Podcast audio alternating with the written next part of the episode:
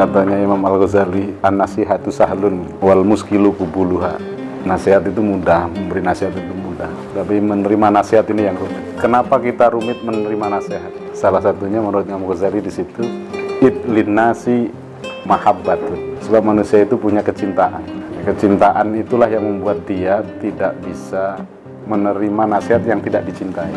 Kalau dia mencintai sesuatu, namanya senengannya bola omongan tentang bola itu pasti akan didengar sebab kecintaannya pada kalau dia cintanya saat ini dengan bunga pembicaraan tentang bunga itu pembicaraan yang paling mudah didengar kalau dunia adalah kecintaannya, maka nasihat berbuat baik dan seterusnya itu pasti akan ditolak. Dia pasti akan suka mendengar hal-hal yang kaitannya dengan mendapatkan dunia. Karena itulah kemudian anasihatu sahlun wal muskilu kubuluha. Karena manusia memiliki kecintaan di dalam hatinya. Saya membahasakan bahwa hati itu memiliki pendengarnya.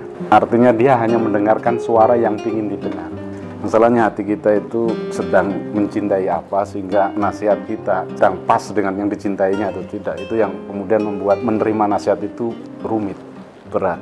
Makanya yang paling bagus menasihati adalah Anda menasihati diri Anda sendiri. Sebab Anda tahu kecintaanmu itu di mana. Karena itu nasihat yang paling didengar adalah nasihat kita kepada diri kita. Dulu sering saya sebut sebagai self communication